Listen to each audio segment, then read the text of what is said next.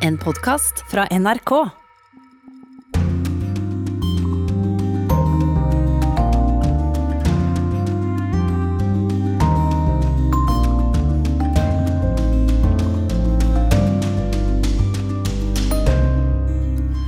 Russland har startet massevaksinering mot koronaviruset. Говорили, говорили в первую очередь медиков и учителей и социальных работников. Det blir sagt at helsearbeidere, lærere og sosialarbeidere skal vaksineres først, sier to kvinner. De har fått med seg at vaksineringen har startet i Moskva og St. Petersburg, og de tror at det blir Murmansk sin tur utpå nyåret. Terroristen som drepte en lærer i Frankrike i høst, blir framstilt som en helt i Tsjetsjenia. En rik sjeik i Emiratene kjøper israelsk fotballklubb. Her er vi. Vi er det mest rasistiske fotballaget i landet. Klubben ble grunnlagt i 1936, tolv år før staten Israel. Jødene kjempet for en egen stat, og Beitar Jerusalem knyttet seg til de mest ytterliggående militante gruppene, og senere til Israels nasjonalistiske høyreside. På mandag skal Joe Biden formelt velges til president, men bare et fåtall republikanere har akseptert Biden som vinner av valget. Og i korrespondentbrevet skal vi høre at britene er lei av brexit og korona. Det har vært et vanskelig år for britene. Vaksinen gir håp. I podkastserien Krig og fred skal vi høre om utdelingen av Nobels fredspris som ble helt annerledes enn det pleier å være. Vel møtt til Urix på lørdag, mitt navn er Dag Bredvei. Vi starter sendingen i Russland, for i tillegg til Storbritannia har også russiske helsemyndigheter startet massevaksinering av befolkningen denne uka. I Murmansk fylke, som grenser til Norge i nord, er det delte meninger om den russiske vaksinen Sputnik. Korrespondent Jan Espen Kruse er i Murmansk og har sendt oss denne reportasjen.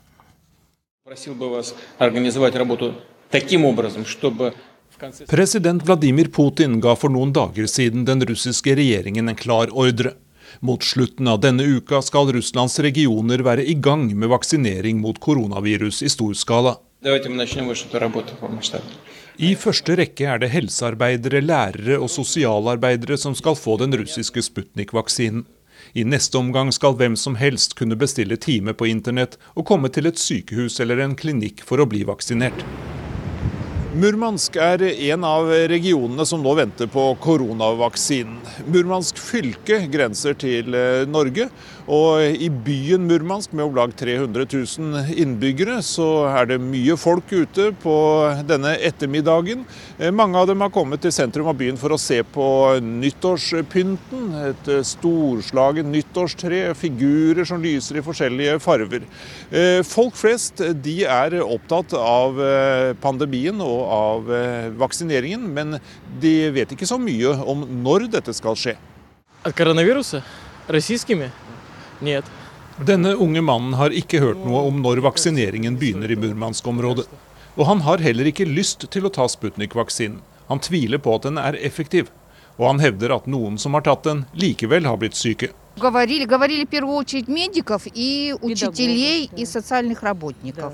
Det blir sagt at helsearbeidere, lærere og sosialarbeidere skal vaksineres først, sier to kvinner. De har fått med seg at vaksineringen har startet i Moskva og St. Petersburg, og de tror at det blir Murmansk sin tur utpå nyåret. Det ser de fram til. De vil absolutt ta Sputnik-vaksinen. Массовая вакцинация от коронавирусной инфекции в нашем регионе еще не началась. Massevaksinering mot koronaviruset har ennå ikke startet i vår region, melder en av de lokale TV-stasjonene i Murmansk. Det blir ikke sagt noe om når den er ventet å komme i gang. NRK har den siste uka sendt en rekke henvendelser til helsemyndighetene i Murmansk, men vi får til svar at de ikke har anledning til å si noe om koronasituasjonen i dette området. På den offisielle statistikken ligger Murmansk fylke rundt 8.-10. plass i landet når det gjelder nye smittetilfeller, altså ganske høyt oppe. Som sagt denne uka her at smittesituasjonen den blir jo verre og verre for hver eneste uke. Ja, Det ser jo ganske dramatisk ut nå. Eh, vi nærmer oss de tallene vi hadde i sommer. Ved det norske generalkonsulatet i Murmansk bruker de ansatte mye tid og krefter på å kartlegge situasjonen i regionen. Generalkonsul Astrid Nærum sier at statistikken de utarbeider viser stadig økende smittetall. I dag vil jeg si at det er en alvorlig situasjon. Eh, det er veldig mange smittede. Eh, ut fra det vi har fått opplyst, så er det den byen i eller det distriktet i Russland som har femte høyeste smittetrykket. Og antagelig ligger på tredjeplass når det gjelder antall dødsfall per 100 000. Myndighetene i Murmansk har satt i verk strenge smitteverntiltak, men det er et stort problem at folk flest ikke overholder dem, sier Nærum. Masker bæres veldig feil. Eh, mange har ikke råd til masker, så de er slitne og skitne. Eh, avstand er et ukjent begrep. Sosial avstand. Kafeer og restauranter gjenåpnet. Det er avstand mellom bordene, men ikke mellom gjestene. De norske diplomatene i Murmansk sender jevnlig rapporter til norske myndigheter om smittesituasjonen på den russiske siden av grensa. Og de sier at de er bekymret over utviklingen i dette området som ligger så tett på Norge. Og vi forflytter oss fra nord til sør i Russland. Det vekker internasjonal oppsikt at levningene til 18-åringen fra Tsjetsjenia som drepte læreren Samuel Paty i Frankrike på bestialsk vis i høst, er utlevert til familien i Tsjetsjenia. Det vekker enda mer oppsikt at begravelsen ble vist på statlig TV, og at ordføreren i hjembyen kaller drapsmannen en helt. Hva er det med Tsjetsjenia og terror, spør vi en ekspert om litt. Men før det tar reporter Morten Jentoft oss med til det som skjedde tidligere denne uka.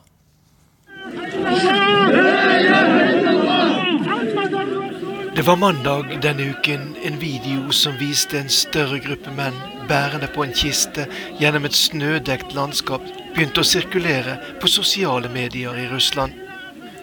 Snart ble det slått fast at bildene var tatt i den lille tsjetsjenske landsbyen Shalashi ved foten av Kaukasusfjellet i Urus-Motan-regionen i Tsjetsjenia. I kisten lå Abudullah Ansoro, den 18 år gamle gutten som sjokkerte en hel verden ved å skjære over halsen på den franske læreren Samuel Paty 16.10 i år. Abdullah Ansorov rakk å ringe til en kontakt i den opprørskontrollerte Idli-provinsen i Syria for å fortelle om det han hadde gjort, på en blanding av arabisk og russisk, før han ble skutt av fransk spesialpoliti. Partiet hadde tatt tematikken rundt ytringsfrihet opp i sin undervisning, bl.a. med å vise de omstridte tegningene som satiretidsskriftet Charlie Hebdo har offentliggjort. Ansorov, som har bodd størsteparten av sitt liv utenfor Tsjetsjenia, ville straffe Paty for at han på denne måten skjendet profetens ære. Det som har vakt oppsikt, bl.a. i Frankrike, er at myndighetene i Tsjetsjenia tillot at begravelsen skjedde i full offentlighet. Enda mer oppsiktsvekkende var det at begravelsen også ble dekket i den statlige TV-kanalen i Tsjetsjenia, som er under strikt kontroll av den eneveldige presidenten i republikken, Ramzan Kadyrov. Julie Wilhelmsen, du er forsker på russisk politikk, deriblant Tsjetsjenia, og er du overrasket over at terroristen Ansorov som halshugget lærer Samuel Paty, er utlevert fra Frankrike til eh, Tsjetsjenia? Eh, nei, for så vidt ikke. Fordi at eh, fransk lov muliggjør det, i motsetning til russisk lov, der en person som er drept som terrorist, skal begraves i en umerket grav. Dette henger nok sammen med Ramzan Kadyrov, som er leder i Tsjetsjenia, og som har en Eh, en veldig uavhengig rolle innad i, eh, innad i Russland.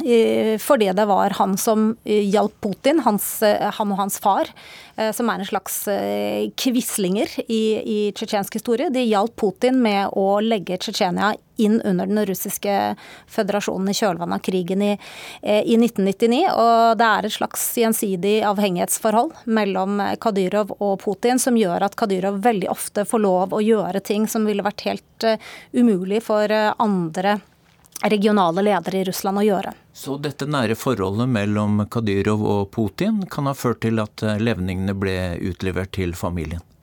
Ja, det, det, tror jeg. Eh, vi hørte at eh, begravelsen ble vist på statlig TV i Tsjetsjenia, og ordføreren i hjembyen kaller Ansorov eh, en helt. Og hvorfor er han en helt i manges øyne? For det første så er det ikke så godt å si eh, eh, om han er en helt i manges øyne i Tsjetsjenia. Eh, for det informasjonen vi får ut fra Tsjetsjenia er så upålitelig og så eh, liten. Men hevn, rett og slett, er viktig for mange tsjetsjenere. At, at, at det, er en slags rettferdighet som, som gjøres, da. Paradoksalt.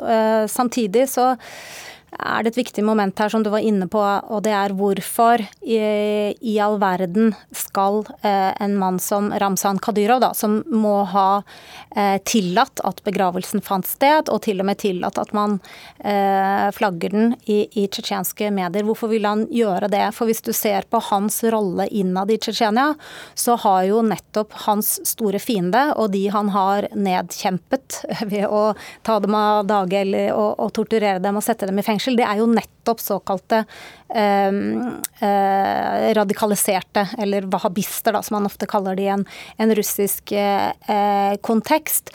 Og eh, denne guttens handling er jo da eh, egentlig nettopp det Ramzan Kadyrov har sagt at han har kjempet imot. Da. Ja, Det er et paradoks. Ja, det er et paradoks. Fordi det kan virke som denne gravferden vist på TV brukes for å rekruttere nye militante islamister.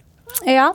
Noen kan definitivt bruke denne hendelsen eh, til å eh, rekruttere radikale eh, islamister. Og det er jo fordi at denne hendelsen kan brukes inn i det globale jihadistmiljøet, som vil, bruke, vil kunne bruke det. Mens for Kadyrov så har det en annen bruk. Han har også på merkelig vis fått en spesiell rolle i russisk politikk og i russisk utenrikspolitikk som en slags islams forsvarer. Oh, ja.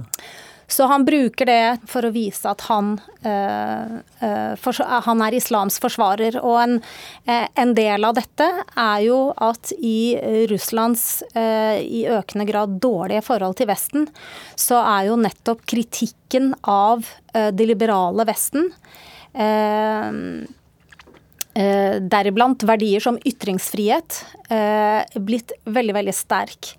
Og eh, hvis man følger med på hva Kadyrov har gjort de siste årene, så er han eh, et slags ekko av Putin i denne kritikken. Altså kritikken mot det liberale Vesten. Mm. Og så tilbyr han en kritikk som eh, kanskje Putin ikke kan målbære, men som han kan målbære. Det er en enorm kritikk da, av Frankrike som kanskje det mest eh, liberale mm. eh, eh, i, i, Europa. Og så på, eh, Litt på samme måte som eh, Erdogan jo instrumentaliserer og Eh, kampen for islam, så gjør eh, Kadyrov det eh, på vegne av Russland. Og det, det, der har han mange å appellere til. I mm. Russland bor det veldig mange muslimer. Ja. Ansorov skal ha vært i kontakt med en IS-celle i Idlib i Syria rett etter drapet på læreren i Frankrike. Og er det veldig mange fra Tsjetsjenia som er i Syria og tar oppdrag for IS?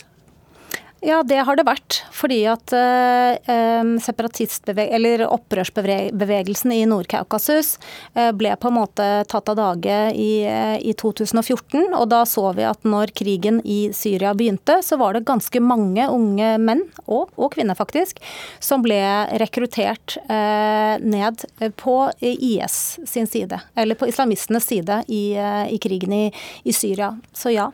Og Putin også. Han eh, ga mange av disse klarsignal til å reise til Syria før eh, OL i Sotsji.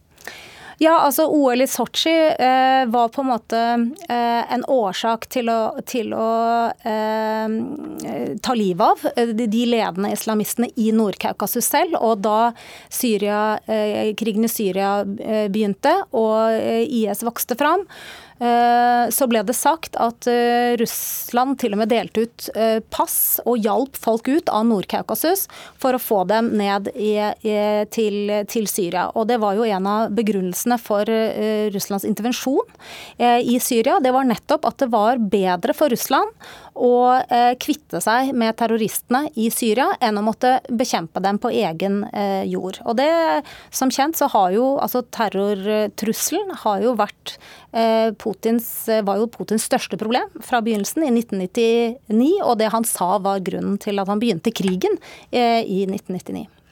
Kollega Morten Jentoft har snakket med menneskerettsaktivisten Oleg Orlov.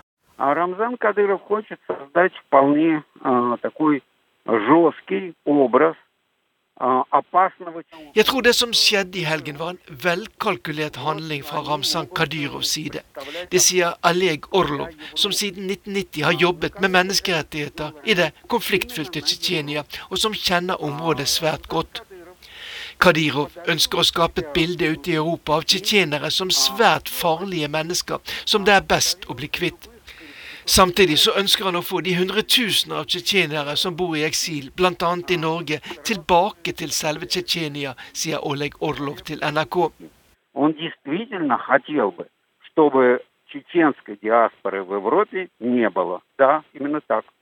Det er mange eksiltsjetsjenere som er aktive på sosiale medier med svært kritiske meninger om styret til Kadyrov. I dag er det derfor en hovedoppgave for Kadirov å få stoppet disse, og det kan bl.a. skje ved å gjøre det vanskeligere for dem å arbeide fritt rundt om i Europa, sier Arlov. Ja, har menneskerettsaktivisten Oleg Orlov et poeng her? Eh, ja, det har han absolutt. Eh, Kadyrov har jobbet i mange år for å få eh, tsjetsjenerne hjem. For i Tsjetsjenia kan han ha kontroll på dem. Det er et ekstremt repressivt regime. Når det gjelder å få kneblet kritikk fra eksiltsjetsjenere i Europa, så er det egentlig et eh, ganske nytt fenomen. Fordi at eh, folk, eh, tsjetsjenere, har stort sett vært så redde for å ytre kritikk at det har vært lite av det. Men akkurat de siste par årene så har vi hatt ikke mindre enn tre drap, eller forsøk på drap, i Europa. Hvor Kadyrov sender ut bestillingsdrap, rett og slett. Sender, sender folk ut for å, eh, å, ta livet av eh, kritikere som gjerne bruker sosiale medier, og som er den nye generasjonen. Altså da gjerne eh, barna eh, til eh, eksiltsjetsjenere. Så det er rett og slett farlig å kritisere Ramzan Kadyrov på sosiale medier? Ja, det er, det er veldig farlig.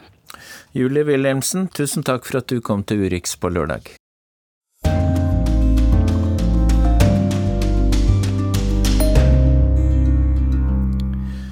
På mandag skal Joe Biden formelt velges til president. Da skal de 538 valgmennene og -kvinnene møtes i sine respektive delstater for å stemme på den kandidaten velgerne har bestemt at de skal stemme på.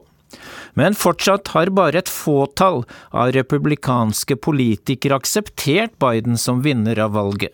Tove Bjørgaas har mer. Hvem vant presidentvalget? Dette relativt enkle spørsmålet stilte Washington Post til alle de 249 republikanske politikerne i Representantenes hus og Senatet for noen dager siden. Og hva svarte de? Jo, bare 27 mente Joe Biden vant. To svarte at Trump gjorde det. Men hele 220 republikanere svarte at det er uklart, eller at de ikke ville svare på hvem som vant valget ganske nøyaktig én måned etter at det ble avholdt. Ytterst få i president Trumps parti har hevet stemmen mot det som har foregått i USA de siste ukene. Men en som har gjort det, er Gabriel Stirling. Han har vært og er ansvarlig for stemmeopptellingen i Georgia, delstaten Biden vant med færrest stemmer. Stirling har holdt mange pressekonferanser om valget de siste ukene. Og under en av dem nylig mistet han besinnelsen og gikk til angrep på Trump og partikollegene sine. It has to stop. Mr. President, you have not condemned these actions or this language. Senators, this has to stop. We need you to step up, and if you're going to take a position of leadership, show some. Dette må stoppe. Dere må vise lederskap, nærmest ropte han. Så fortalte han at både han selv og mange andre som har jobbet med valget i Georgia, er blitt trakassert og har fått trusler. Trump-tilhengere demonstrerer utenfor huset til den republikanske valgministeren i delstaten. Kona hans har fått sextrusler på SMS.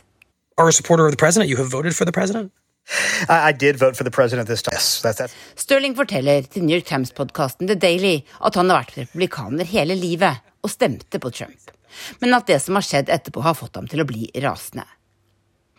Men hvordan i all verden kan det ha seg at nesten ingen republikanere synger ut slik Stirling har gjort? Det har nettstedet Politico spurt mange av dem om. Ingen vil stå fram med navn, men mange sier at de frykter straffetiltak fra Trump dersom de anerkjenner offentlig at Biden har vunnet. De sier presidenten har vært villig til å angripe partikolleger som kritiserer ham hardt. Og det finnes mange eksempler på at Trump har ødelagt den politiske karrieren til partikolleger som har kritisert ham. Ikke minst ved å drive politisk kampanje mot dem blant sine tilhengere og bidra til at de ikke ble gjenvalgt. Nå har Trump tapt, men mange frykter at han i lang tid vil være avgjørende for mobilisering av velgere i partiet. Hva er galt med å blidgjøre presidenten en liten stund, sa en republikansk politiker anonymt til Politico. Vedkommende var nokså overbevist om at søksmål og andre forsøk fra Trump ikke ville føre fram, men ville ikke si det med fullt navn. På mandag skal de 538 valgmennene og -kvinnene som vi har hørt så mye om, altså dem velgerne i praksis stemte på 3. november, møtes for formelt å velge Joe Biden til president. Trump har også forsøkt å presse enkelte delstater til å oppnevne valgmenn som ikke vil adlyde velgernes dom, og som i stedet vil stemme på ham. Men han har heller ikke lyktes med denne kampanjen. Vil republikanske politikere så ringe og gratulere Biden med seieren etter at han formelt er valgt på mandag? I Georgia vil det kanskje være vanskelig for dem å gjøre dette. Der er senatsvalget ikke avgjort ennå og det blir en ny valgomgang 5. januar, der det vil bli avgjort hvilket parti som får flertall i Senatet. Gabriel Sterling skal sørge for at også det valget blir gjennomført slik det skal, selv om han er sint på partifellene sine. Men hvor opprørt er han egentlig? Han stemte jo på Trump i november. Vil han bytte parti nå? The party has values and things I care about, and I'm going to continue to fight for the sanity and the sanctity of that party to carry those positions. Nei. Stirling er fortsatt republikaner. Det har han vært hele livet, og det vil han fortsette å være. Og han vil stemme på de to republikanske senatskandidatene også 5. januar. Også etter alt som har skjedd. Å bytte side i amerikansk politikk ser ut til å sitte stadig lenger inne.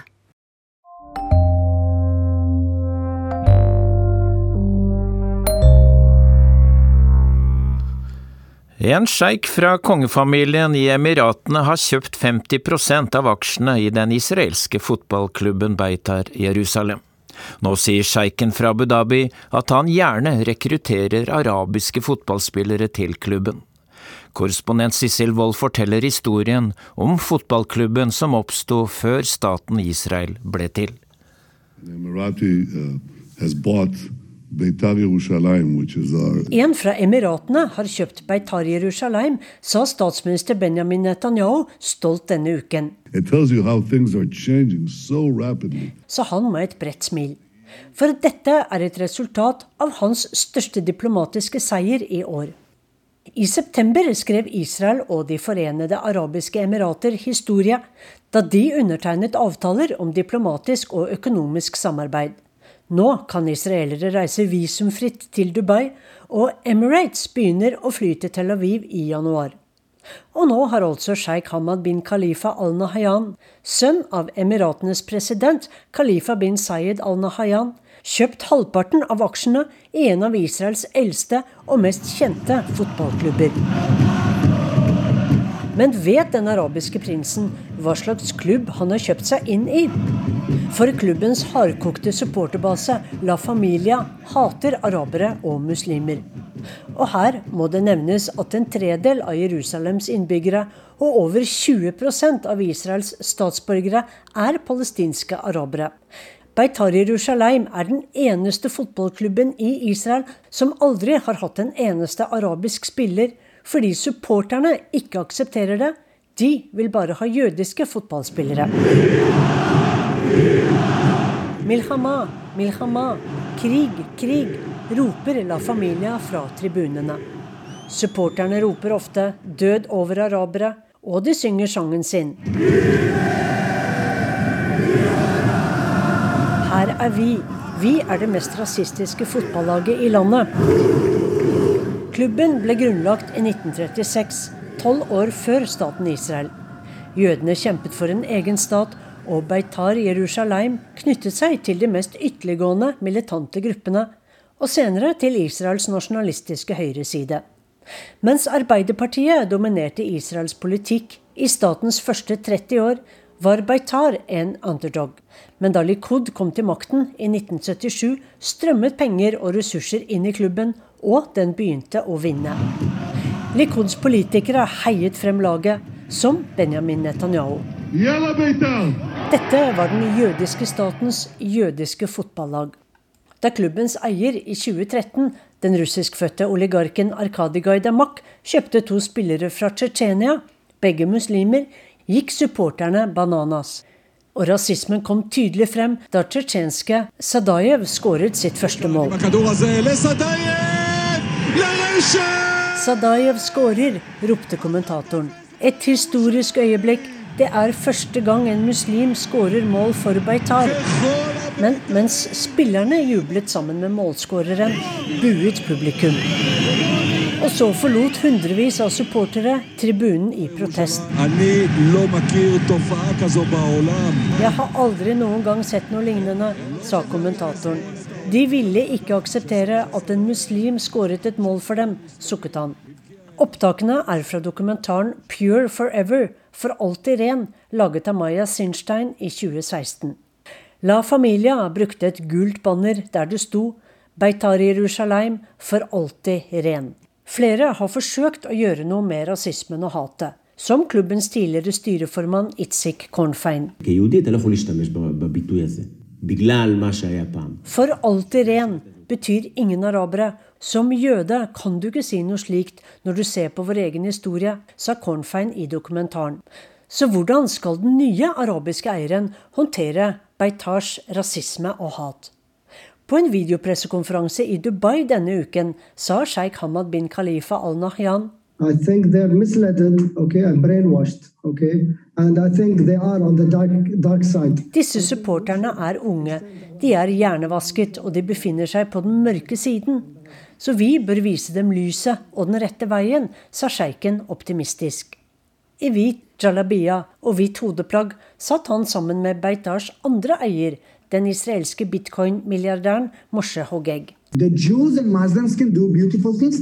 er ignorante. Vi må stanse denne hjernevasken, ikke ved å snakke, men ved å vise dem at jøder og muslimer kan gjøre flotte ting sammen. Vi har ingen toleranse for vold eller ekstrem rasisme, sa Hogeg, som vil trekke bråkmakere for retten om nødvendig. No Sjeiken fra Abu Dhabi er åpen for å kjøpe inn arabiske spillere, og på spørsmål om han frykter La Familias høylytte protester, svarer han utfordring akseptert.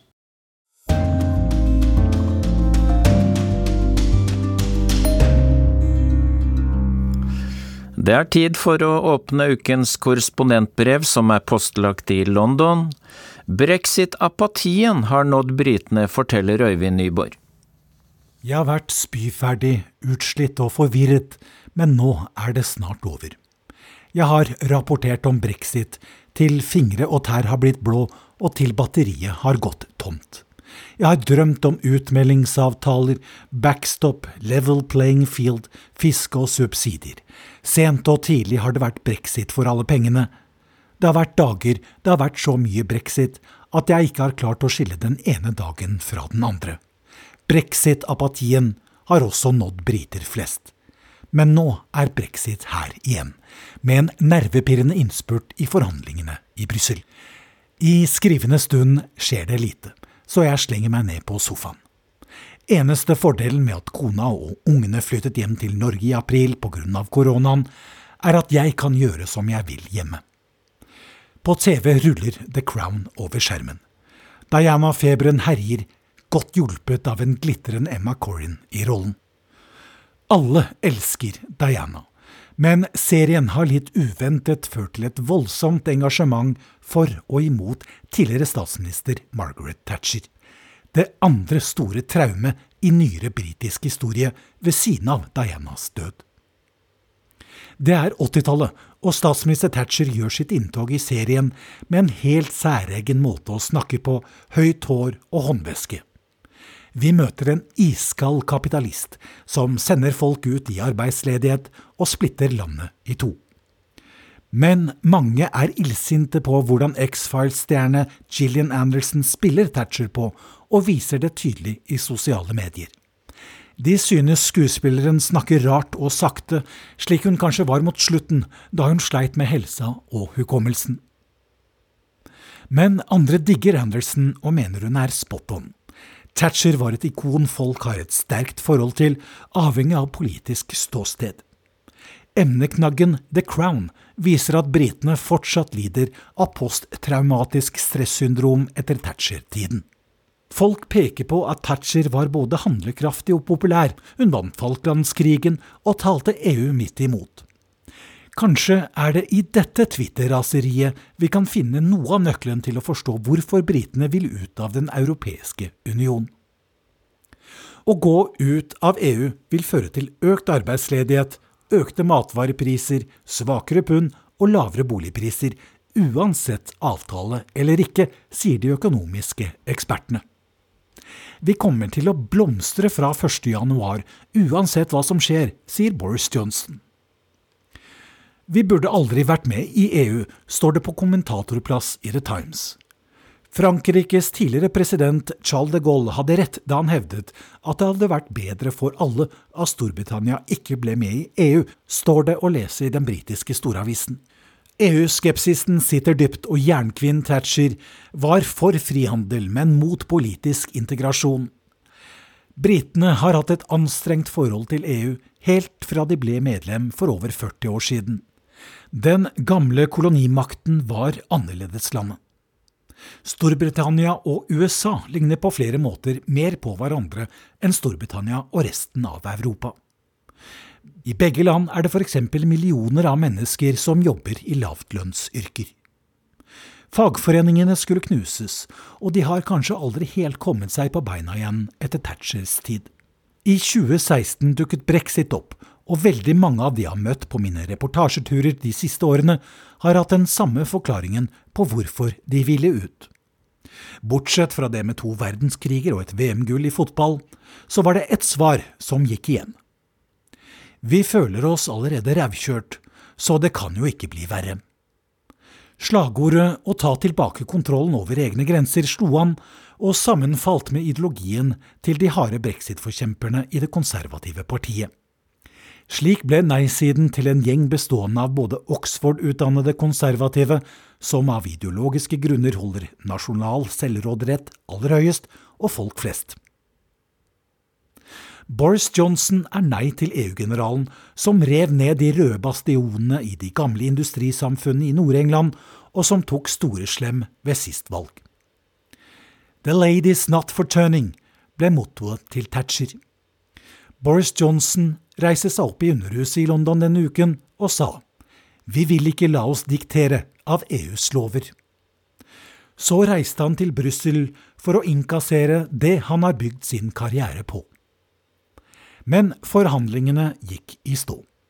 EU er redde for at britiske bedrifter ikke skal følge deres standarder på både minstelønn, arbeidsfolks rettigheter, miljøstandarder, dyrevelferd og subsidier.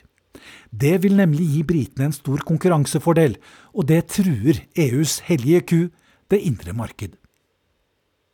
Statsministeren er i forhandlingsmodus. Men han vet også at han ikke kan bli for soft overfor Brussel. Da vil han få trøbbel med den harde kjernen av EU-motstanderne i eget parti hjemme i London. Storbritannia er et splittet land som følge av brexit, men folk er òg møkk lei og de som var imot, har resignert. Snart er brexit over. En ny sak har tatt over livet mitt og hele resten av verden.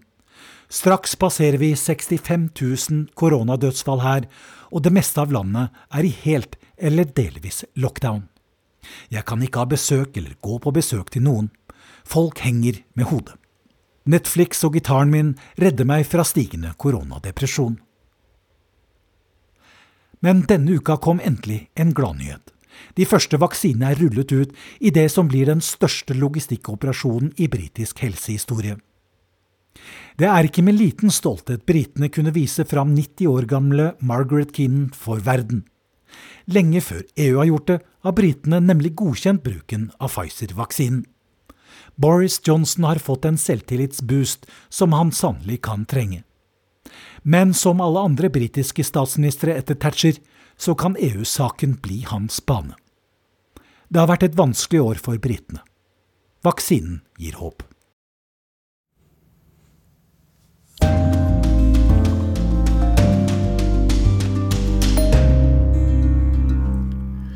Absolutt alt er annerledes i 2020, og annerledes ble også utdelingen av Nobels fredspris denne uka. Det året nobelprisen kom i posten, er tittelen på ukens podkast Krig og fred, som er ved Tore Moland og Tove Bjørgaas.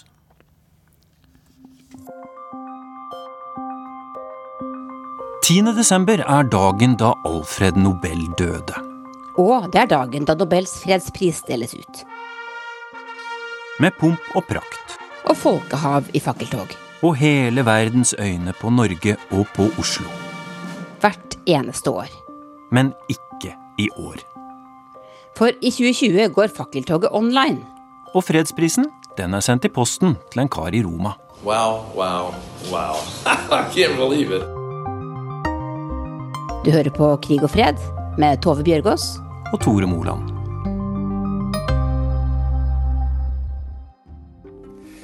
Jeg er i eh, Roma, en halvtimes kjøretur omtrent unna hovedkvarteret til Verdens eh, matvareprogram. Landa på flyplassen i Roma, måtte ta hurtig koronatest. Og mens jeg sto og venta på den koronatesten, så sto jeg og kikket på suvenirbutikken som Verdens matvareprogram har på flyplassen. Capper og kopper og sånn med, med matvareprogrammets uh, logo. Jeg er Simen Ekern og jobber som europakorrespondent for NRK. Fortell oss hvordan det ser ut hos Verdens matvareprogram i Roma, Simen. Ja, Det er en høy betongbygning eh, i et litt sånt øde strekk på vei mot flyplassen. Svære gjerder og et svært eh, bygg. Og der inne skal altså Nobels fredspris anno 2020 deles ut? Ja, det skal den. Det blir jo altså eh, et første forsøk da, på, på en koronautdeling. Så der kommer det ingen fra eh, Nobelkomiteen pga. koronarestriksjoner. Og så er det ellers en seremoni som blir temmelig nedskalert. Da. Ikke veldig mange mennesker som, som eh, skal være til stede. Fortell oss hva det er du har slags oppdrag, Simen. Ja, jeg har kommet hit for å intervjue David Beasley, som er sjefen for Verdens matvareprogram. De eh, får jo altså prisen eh, for eh, det konkrete arbeidet som de gjør med å distribuere og dele ut mat eh, i områder som, eh, som, er rammet av eh, konflikt. Det er en ganske bredspektra innsats da, som Nobelkomiteen mener er en innsats for fred i, i, i, siste instans. Også fordi mangel på mat jo i de siste åra har blitt anerkjent av FNs sikkerhetsråd som noe som er som et våpen Altså, du tar vekk maten som et ledd i, i krigføring. og sånn sett så, så, mener jo da Nobelkomiteen at det Verdens matvareprogram eh, gjør, er eh, helt direkte og aktivt eh, fredsarbeid på et vis. De kongelige de ledsages av Nobelkomiteens leder Torbjørn Jagland og Nobelkomiteens sekretær Geir Lundestad. Kongefamilie og kjendiser, fanfarer og fredstaler. Slik er vi vant til å se Nobelseremonien i Oslo rådhus. Mr. President, Nobel Peace Laureate. Alltid på datoen 10.12., som er dagen Alfred Nobel døde. Og om kvelden er det fakkeltog på Karl Johans gate, der folkemengden hyller fredsprisvinneren som vinker fra balkongen på Grand Hotell. Det er jo litt sånn same procedure as every year, eh, James, med nobelprisen. Men ikke i år. Hva er det som er annerledes? All pomp og prakt er borte. alt det storslåtte, alt det tradisjonelle, alt det som har vart egentlig fra 1901, er borte i år pga. koronaen. Jeg heter Laila Bakken og er utenriksmedarbeider i NRK. Laila, du har jobba med nobelprisen for NRK i veldig mange år. Litt i stille og i bakgrunnen. Har Nobels fredspris noen gang blitt delt ut noe annet sted enn i Oslo før? Nei, jeg um, sjekket på listene, uh, og jeg har spurt direktøren på Nobelinstituttet, og vi er begge skjønt enige. Det er første gang fredsprisen deles ut utenfor Oslo. Hvordan foregår det rett praktisk? Nobelmedaljen og Nobeldiplomet, som hver prisvinner får, er sendt pakket inn og sendt med diplomatisk post og diplomatisk immunitet fra Oslo til ambassaden i Roma. Laila, du sier den er sendt med diplomatpost. Hva betyr det? Jeg forestiller meg en diplomat i dress og med en stresskoffert som er lenka fast til håndleddet. Er det sånn det foregår? På de mest strengt hemmelige papirene så er det kanskje sånn, men uh, trolig ikke med Nobelmedaljen. Uh, men det heter, det offisielle svaret er at de sendes med kurerpost. Og du har faktisk klart å få tak i et bilde. Nå gjør det seg litt dårlig i en podkast, men kan du beskrive bildet av eh, Nobels gullmedalje og diplom som er på vei ut av Nobelinstituttet i Oslo? Det ser ut som en helt alminnelig pakke, pakket i gråpapir, med kun ett navn på, den norske ambassaden i Roma. Og hva skjuler seg inni dette gråpapiret? Der er det da en ekte gullmedalje og et ekte kunstverk som er årets Nobeldiplom, Eh, laget av Oslo-kunstneren Vanessa Bird. Men det artige er jo at det er tre eksemplarer til.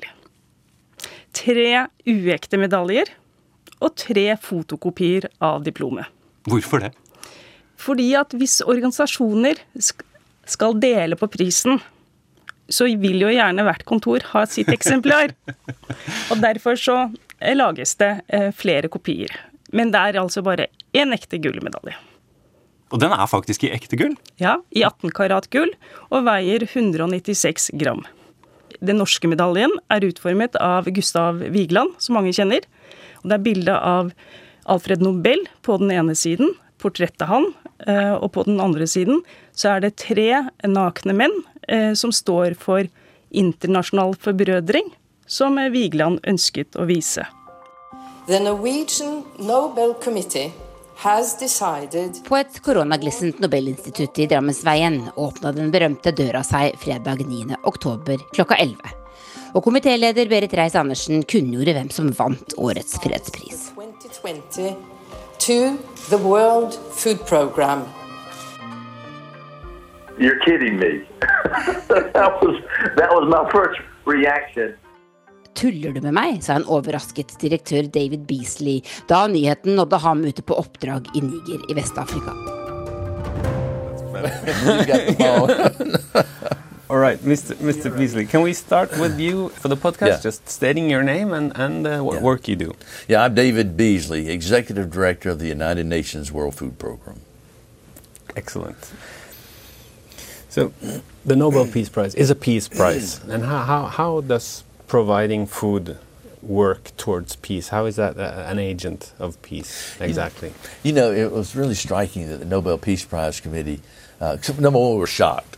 you know, surprised. I was in I was in the middle of Niger, a very fragile area, which I think it was a gift from above for actually us not to know and to be out in the field. Because when I got that call, we were in a place that was perfect for why the Nobel Peace Prize Committee made the decision. Mm-hmm. It was an area of conflict. You had Al Qaeda and ISIS, and I was literally in between these territories uh, trying to negotiate access and meeting with the leaders when someone comes busting into the room. Nobel Peace Prize, and I'm like, wow, yeah, who won it?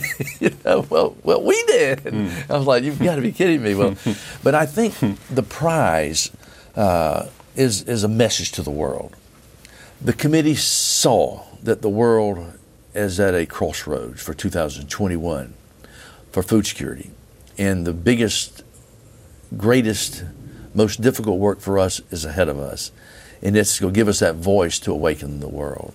Because we do use food as a weapon of peace, where certain parties, even countries, extremist groups use it as a weapon of division, weapon of war, a weapon of recruitment, and we see that literally every day out there. I can't tell you how many mothers have told me that my my my son or my husband did not want to join Al Qaeda or ISIS, but we hadn't had food in two weeks for our little girl.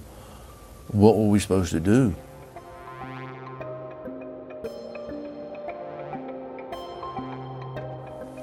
Simen Ekern, nettopp ute av et eh, betongbygg i Roma. Hvordan gikk møtet ditt med årets eh, fredsprisvinner? Jeg tror det gikk eh, ganske bra. Meget hyggelig og energisk mann. Ivrig og entusiastisk og glad og engasjert. På sitt vis, på et litt annet vis kanskje enn en, en andre idealistiske fredsprisvinnere. Men eh, like fullt med en, en voldsom energi som, eh, som, ser ut til å funke ganske bra. Da. Hva slags inntrykk sitter du igjen med fyren, Simen Ekern? Jeg sitter igjen med et inntrykk av en veldig effektiv og overbevisende, karismatisk fyr. Han er veldig pragmatisk. Her er det kriger, her er det sånn og sånn. Vi får penger, vi går inn, vi løser det. Han er ikke noe typisk eh, FN-byråkrat, David Beasley, er han det? Nei, han er jo ikke det. Og, og jeg spurte han jo også om det, for, for det var et sitat jeg fant fra, fra omtrent da han, da han starta for tre og et halvt år siden. At han sa eh, I'm not really a UN kind of guy. Og han sa også det at han hadde vært skeptisk i utgangspunktet. Er for, FN er for treigt, FN er for dyrt. Eh, og det har han jo endra oppfatning eh, av, da. Han snakka jo nå som en brennende forsvarer nettopp av det multilaterale eh, systemet.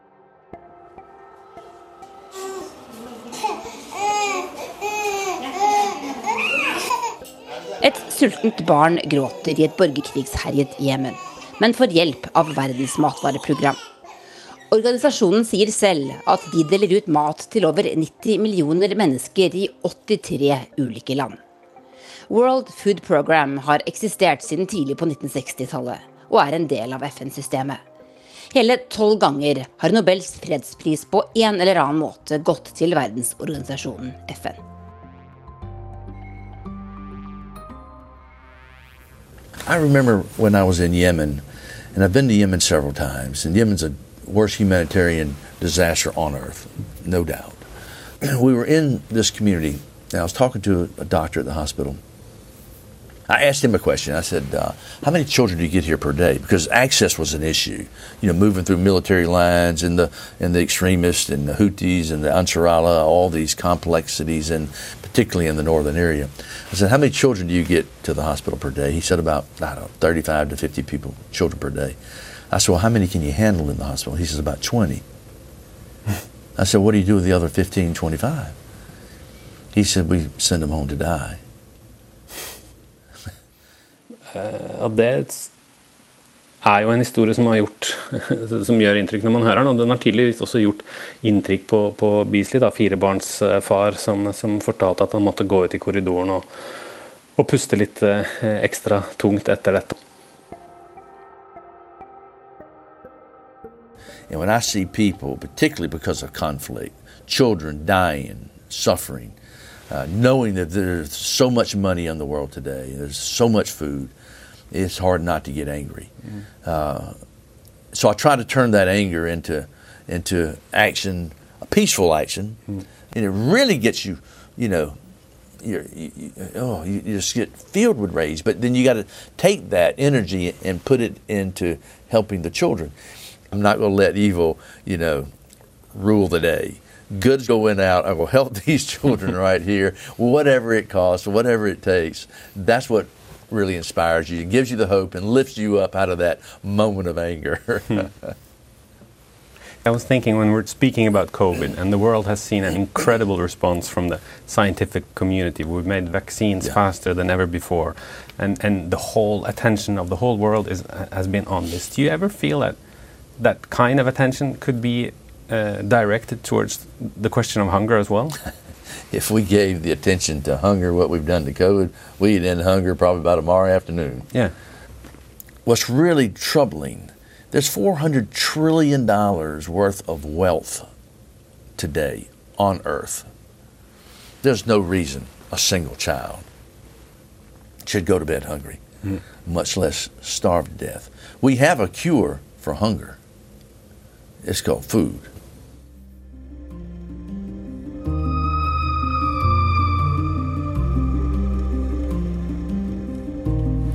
Så har jo 2020 vært et mildt sagt spesielt år, Simen. Er det litt kjedelig og fantasiløst å atter en gang gi fredsprisen til et FN-organ som egentlig bare gjør den jobben de er satt til å gjøre, eller? Ja, Man kan jo si det. Samtidig så er det jo, eh, som du sier, da, at det er et spesielt år. Men det er jo også et spesielt år for, fordi at det eh, internasjonalt samarbeid er under press. Og at tanker om å vende tilbake til nasjonalstaten, eller å stenge grensene, eller at eh, hvert land skal gjøre det for seg, eller at man skal bli stor igjen på egen hånd og sånn, så ligger det jo en slags eh, mikrorevolusjon i å vektlegge det internasjonale systemet. Da. Det syns jeg var gøy at Beasley, som, som selv da åpenbart har, har, hatt den skepsisen, eh, var så ivrig på å forsvare det nå og si at det har en verdi, og det har en spesielt stor verdi nå. Det var jo det han sa også i intervjuet. Én ting er at man har kunnet sagt at dette har vært viktig alltid, og det var viktig etter andre verdenskrig og sånn, men i år så er den tanken mye mer viktig enn det den har framstått som eh, tidligere. Og sånn sett så det, kan man jo argumentere for at det er veldig bra timing. da. Det er ikke kjedelig, men det er nettopp ekstra nødvendig nå. Det går det an å, går an å tenke, tror jeg. Hva sier David Beasley om eh, de litt spesielle omstendighetene han og Verdens matvareprogram eh, får årets fredspris på, da, Simen? Det er et eh, rart år. Mindre pomp og prakt. Eh, seremonien foregår i en uh, mørk kjeller i Verdens matvareprograms lokaler i stedet for i rådhuset. Ting ligner ikke på det de pleier å være. Men som Beasley selv sa også, det blekner jo litt i forhold til de covid-utfordringene Verdens matvareprogram har hatt rundt omkring i verden. Både med å få frakta mat ut til dem som trenger det, og selvfølgelig også fordi eh, koronaen har hatt så eh, enorm eh, negativ betydning for, for de som sulter i verden.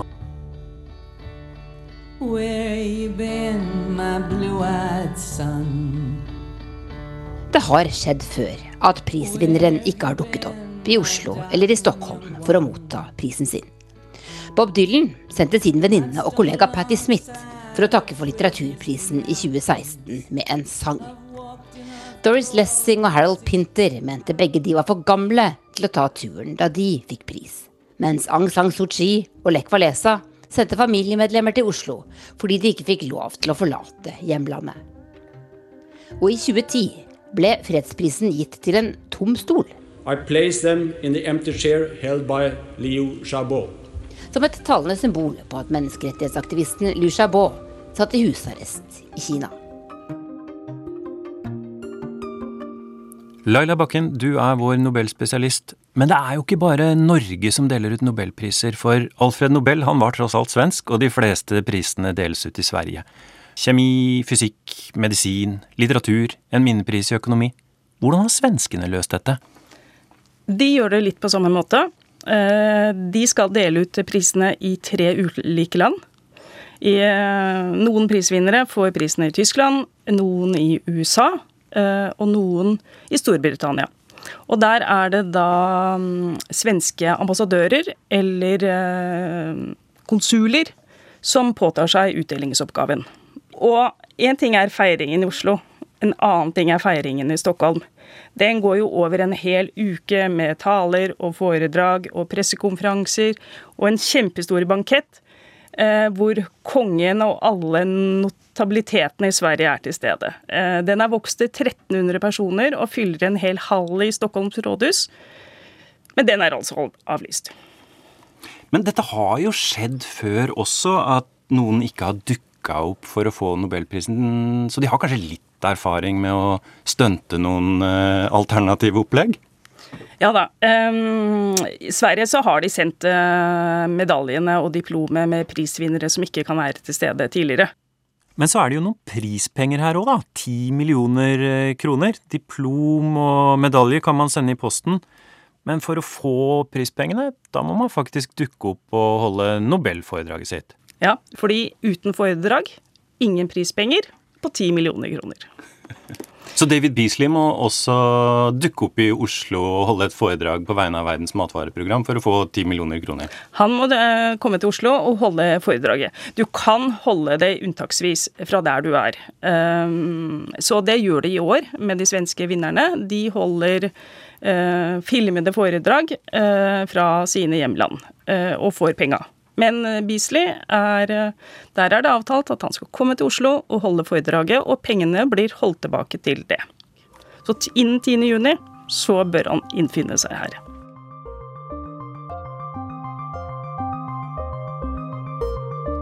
Du har hørt Krig og fred fra NRK Urix. Lydregien var ved Hilde Tosterud. Og hele intervjuet Simen Ekern har gjort med årets fredsprisvinner, kan du se i NRK TV.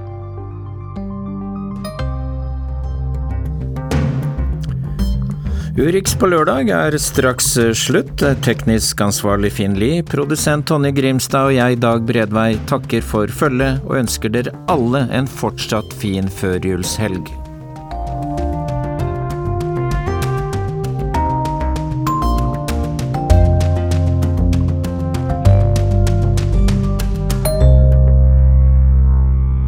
Du har hørt en podkast fra NRK. Hør flere podkaster og din NRK-kanal i appen NRK Radio.